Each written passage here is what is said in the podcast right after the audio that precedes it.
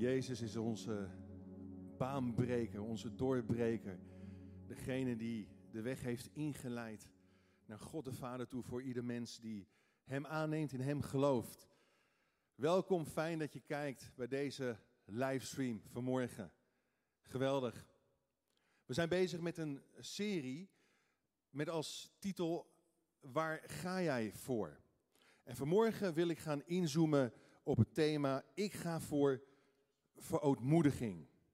We kunnen voor zo ontzettend veel dingen gaan in ons leven dat we soms niet meer weten waar het echt om gaat of waar het echt om draait. Op dit moment gaan de meeste mensen voor vakantie. Heerlijk toch?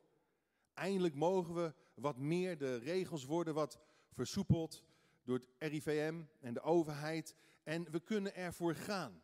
Lekker op vakantie in binnen- of buitenland. En de een gaat voor wandeltochten, de ander voor lange fietstochten.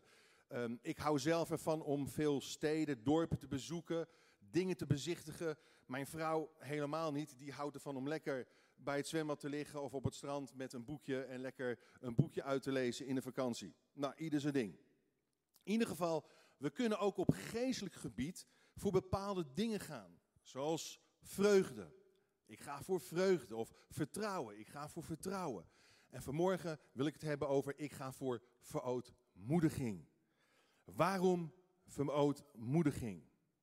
Mijn kids zeiden meteen al tegen me, wat betekent dat eigenlijk, pap, verootmoediging? Dat is eigenlijk best wel een wat oudbollig woord, of niet? Nou, eigenlijk is het heel simpel. Verootmoediging heeft te maken met je klein maken voor God. Buigen voor God.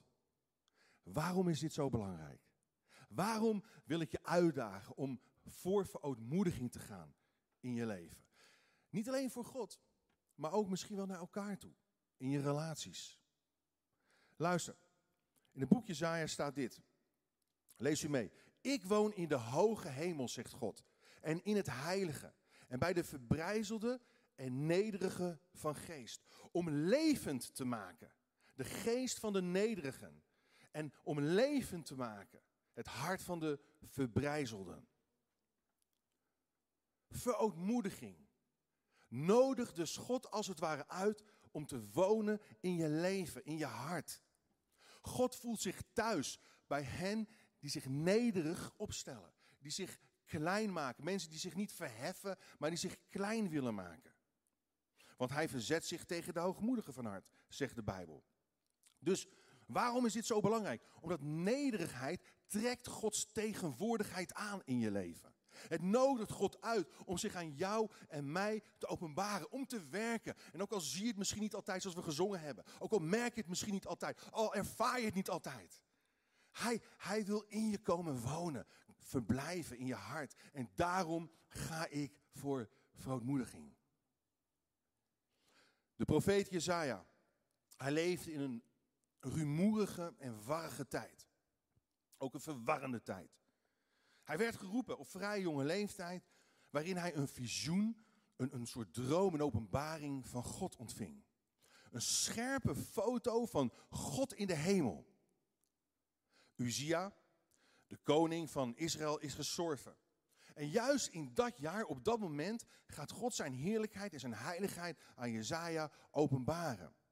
Want zo begint zijn roeping. En het is een heel belangrijk detail.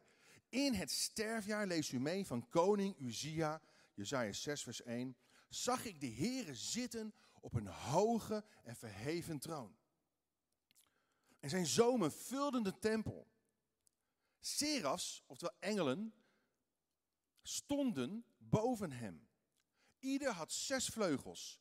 Met twee vleugels bedekte zo'n engel zijn aangezicht, zijn ogen. Met twee bedekte hij zijn voeten. En met twee vloog hij.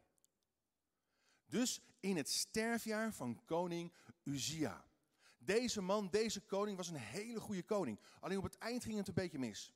Hij had 52 jaar succesvol geregeerd in Israël. Tot het moment dat hij wilde bepalen hoe hij God zou naderen, hoe hij God zou aanbidden. En hij wilde zelf uit zichzelf offers gaan brengen in de tempel. En dat was eigenlijk Nadan. Hij ging namelijk op een andere plaats staan. die niet voor hem bestemd was. Hij had namelijk een andere rol, een andere functie in Gods koninkrijk. Het offeren in de tempel was bestemd voor de priesters. En hij, hij zei, laat mij het maar doen. En om die reden maakte God hem op het eind van zijn leven melaats. En melaatsheid is in de Bijbel een teken van onreinheid. Dus toen Uzia stierf, zou je kunnen zeggen, is het jaar van, van de ontheiliging, van de onreinheid ingegaan. Dus menselijk gezien, wat zag Jezaja om zich heen? Wat zien wij vaak om ons heen? Laten we eerlijk zijn. Onrust. Allerlei problemen, puinhopen, onrecht, verdriet, verslagenheid. Een, een economische crisis brak aan. Toen Uzia stierf, kwam er een einde aan de stabiliteit in Israël en brak er een hele onzekere tijd aan. Evenzo leven wij in onzekere tijden. En de samenleving waarin Jezaja zich bevond, leek misschien wel een beetje op die van ons. In het zesvoudig wee in Jezaja over die samenleving zei God dit. Over die cultuur van die tijd zei God dit. Jezaja 5 vers 20, lees u mee. Wee degene die het kwade goed noemen en het goede kwaad. Dus alles wordt omgedraaid. Die het licht tot duisternis maken en, en het duister tot licht. Die van zoet bitter maken en van bitter zoet. Weet je, een samenleving vol leugens en roddels. Traag om de ware God te aanbidden.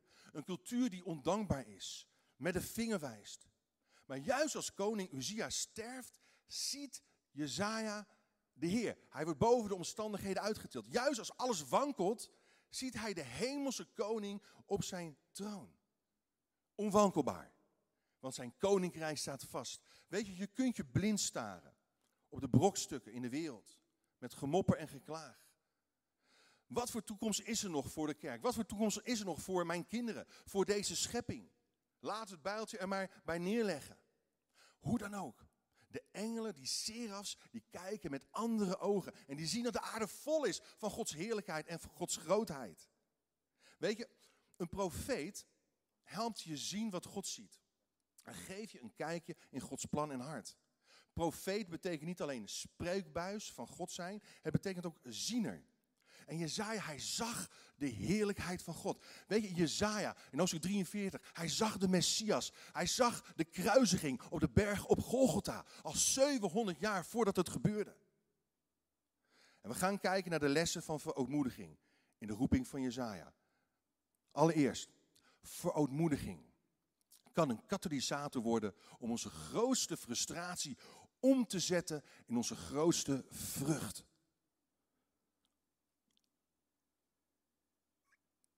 Er was verdriet. Er was verslagenheid. Er was frustratie. Maar juist op dat moment, door de houding van Jezaja, door zijn verootmoediging, kon dat omgezet worden, omgebogen worden tot, tot een vrucht. Door nederige houding kan ons verlies veranderen in winst, ons verdriet in vreugde. Het werkt als een katalysator die het proces van onze geestelijke groei bevordert.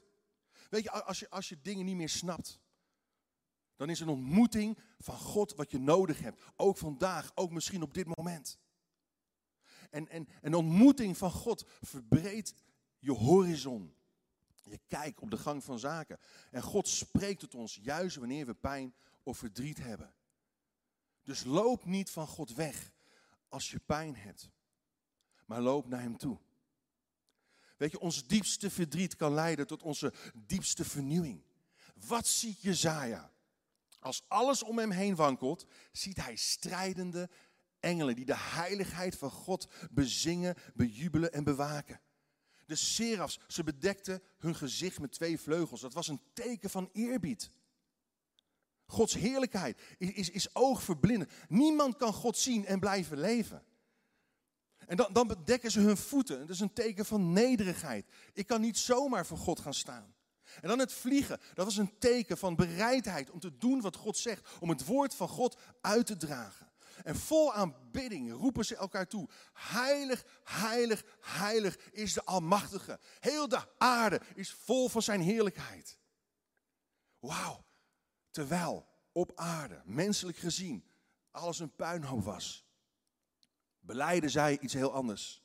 Ze kijken vanuit een hemels perspectief. Ze kijken als het ware langs de gebrokenheid van de schepping heen. Is dat geen uitdaging voor ons?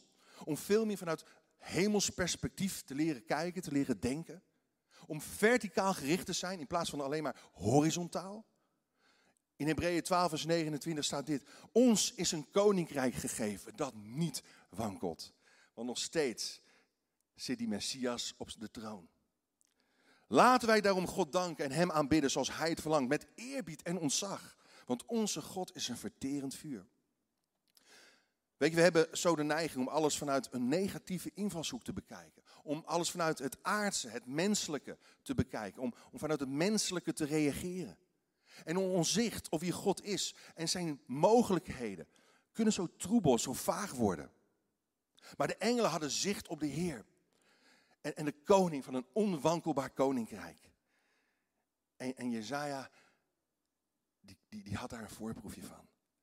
Een koninkrijk dat op een dag de hemel en aarde zal doordringen. Met gerechtigheid en vrede. En dan de tweede, verootmoediging helpt ons om God helder te zien, zodat we onszelf helder gaan zien.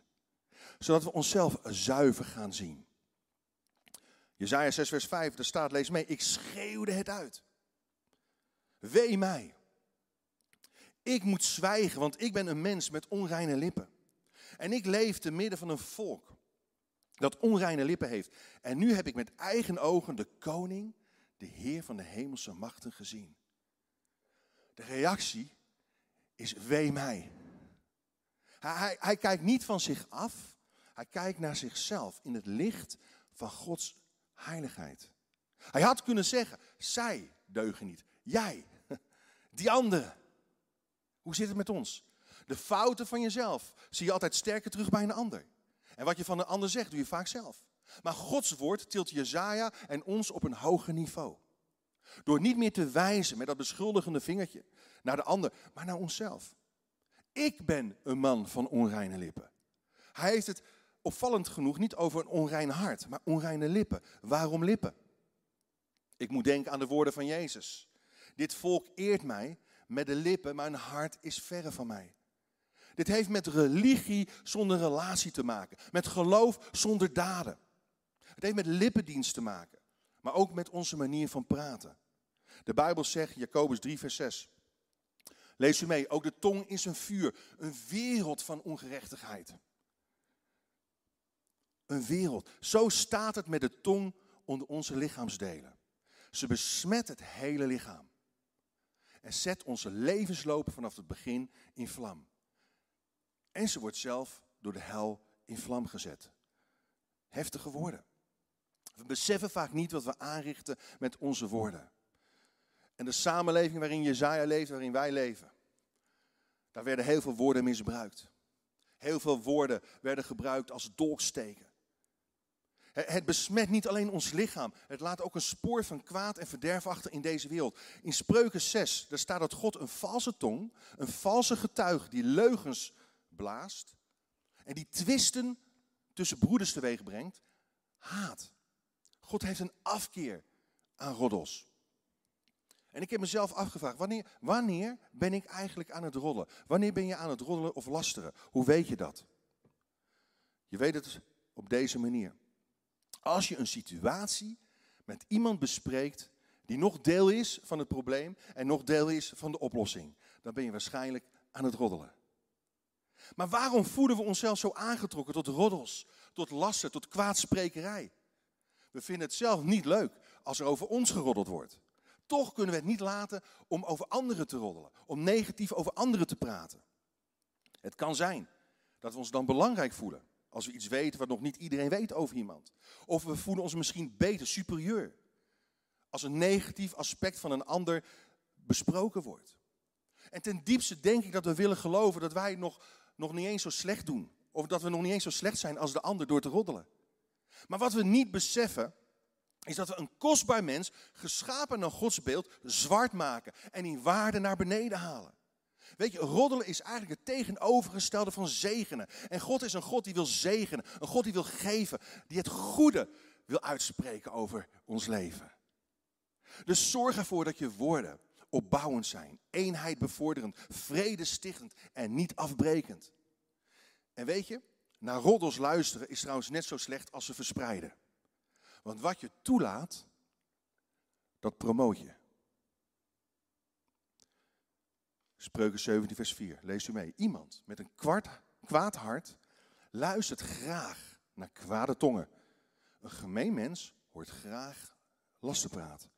Het bevuilt dus je hart, je eigen leven. En weet je, ik geloof dat God, juist nu in deze tijd, nu zoveel wankel is, nu zoveel onzeker is, ons wil klaarmaken, ons wil voorbereiden op, op grote werken die Hij nog gaat doen in en door onze gemeente heen. Ik geloof dat Hij een, een diep werk in ons hart wil verrichten. Weet je, het liefst houden we dit vaak van ons af, proberen we dat te vermijden. Want soms doet het pijn. Maar als God dat gebied van je hart kan raken, waar je op vastloopt in je leven, in je relaties, dan kan Hij voor ongekende doorbraken zorgen. En mogelijkheden in je leven.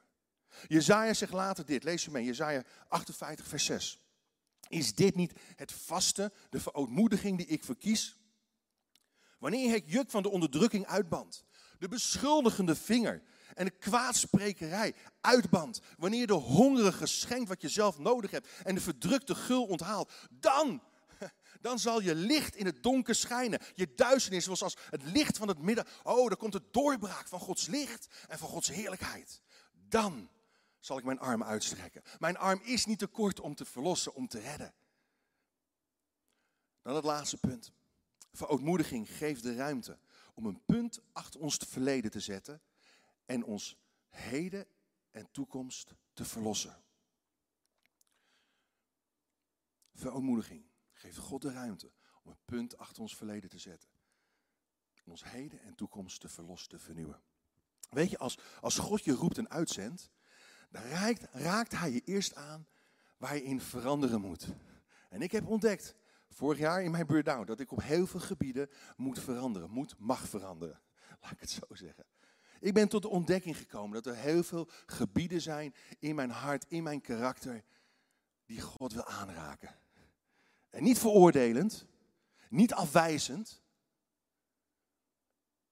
maar liefdevol en teder vanuit zijn goedheid. Weet je, hij wijst de plek aan waar reiniging nodig is. En een van de seras, een van die engelen, had een tang met een gloeiende kool en raakte de mond, opnieuw de mond van Jezaja aan. In, in de geschiedenisboeken staat zelfs geschreven over de Jezaja, deze man, dat hij inderdaad littekens, letterlijk, op zijn mond had. De rest van zijn leven, na deze ontmoeting met God. Weet je, voordat God je kan gebruiken, wil hij je eerst reinigen. En opnieuw de mond. Hoe vaak per dag wordt er wel niet met onze mond gevloekt, verwenst, veroordeeld, vernederd, vergruisd, vernietigd of verkleind? De mens, zegt Jacobus, heeft alle mogelijke soorten dieren weten te temmen. Maar er is geen mens die de tong kan temmen dat onberekenbaar kwaad, vol dodelijk venijn. Weet je, met onze tong zegenen we onze Heer en Vader en doen we heel vroom. En tegelijkertijd vervloeken we er mensen mee die God heeft geschapen naar zijn evenbeeld.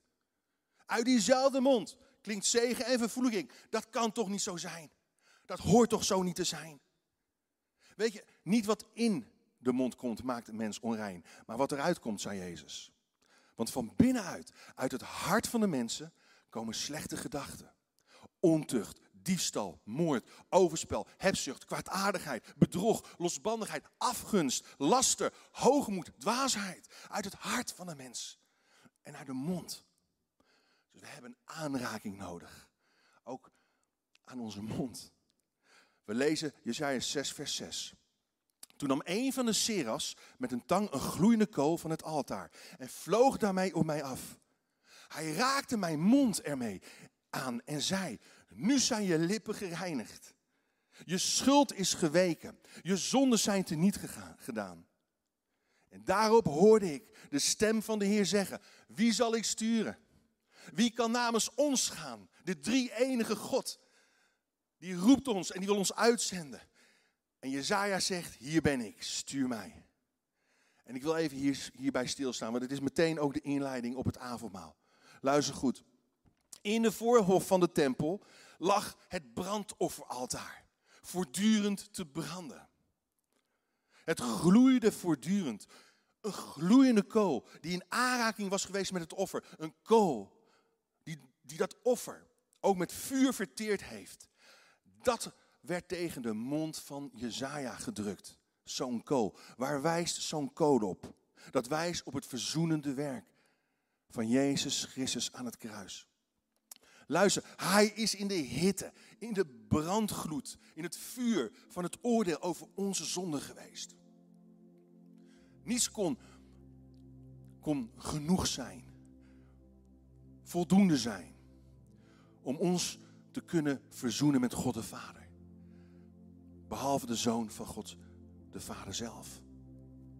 Op grond van Gods wil zijn wij eens en voor altijd geheiligd door het offer van het lichaam van Jezus Christus. Hebreeën 10, vers 10. Jezus heeft de schuld gedragen.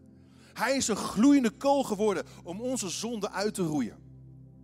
En zo zien we in die heiligheid van God toch weer de genade van Jezus Christus naar ons toe komen. Jezus is voor ons door het vuur gegaan, voor jou en mij. Om het vuur van de zonde te doven in ons hart. Om het vuur van het oordeel te sussen in ons geweten. Om het vuur van haat te blussen met zijn liefde. Het altaar, lieve mensen, vertegenwoordigt de plaats van reiniging, van vergeving. Door het onschuldig bloed dat vergoot werd om zonde weg te vagen. Weet je, Gods genade leidt Jezaja van wee mij, ik verga, naar hier ben ik, stuur mij. Wat staat er tussen? Wee mij aan de ene kant en stuur mij aan de andere kant. Wat staat daar tussen? Het altaar. Het altaar. We kunnen niet gebruikt worden, luister. We kunnen niet gezalfd worden. We kunnen niet gezonden worden zonder het altaar. Zonder eerst langs het altaar te gaan. Van verbrokenheid. Van verootmoediging. Zonder te sterven aan jezelf, aan je oude mens, aan je vlees. Zonder gesnoeid te worden. Zonder een verbrijzelde, nederige geest te ontvangen. Weet je, veel christenen vergeten deze waarheid. En deze is zo cruciaal. Ik zelf ben, ben vaak deze waarheid vergeten. Omdat we zo druk bezig zijn met van alles en nog wat. Weet je, ze willen de glorie van God in hun leven zonder de prijs te betalen. Ze willen Gods kracht ervaren in hun leven zonder het kruis. Oh, wee mij. Daar begint het. Maar dat leidt tot overgave. En bereid me voor op zend mij. Maak me klaar voor mijn missie en mijn roeping. In de kerk, in Gods koninkrijk. Wat je ook doet voor God. Waar je ook bent. Weet je, God verzoent. Hij strijkt het bloed van Jezus over onze ziel en wast ons witter dan sneeuw. Want zonder bloedstorting is er geen vergeving.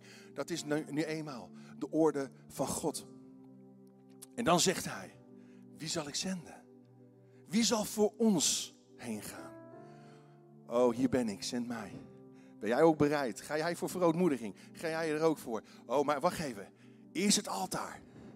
Eerst het altaar. En dan pas gebruikt worden. Dan pas gezalfd worden.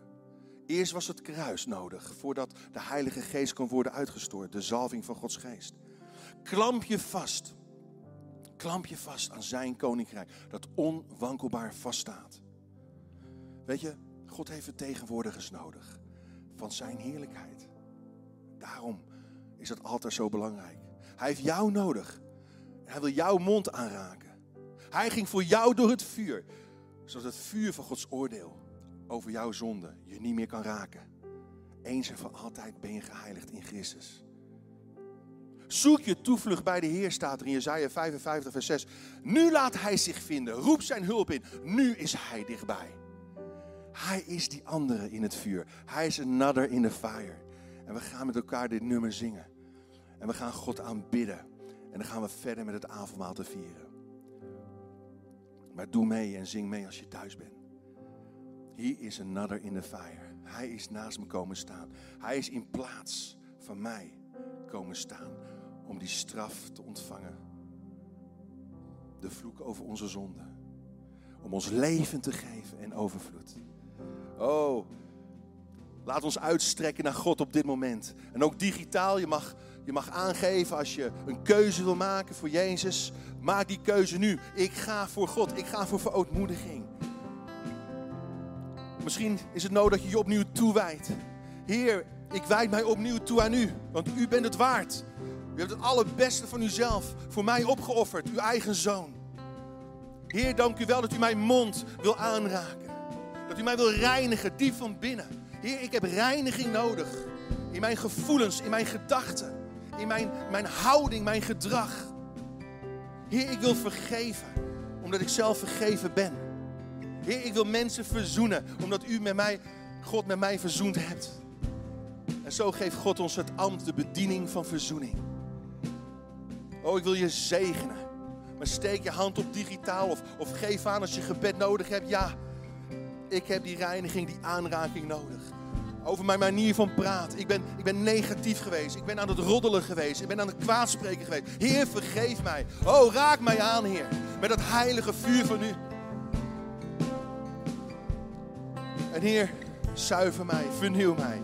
In Jezus' machtige naam. Zullen we het gaan zingen?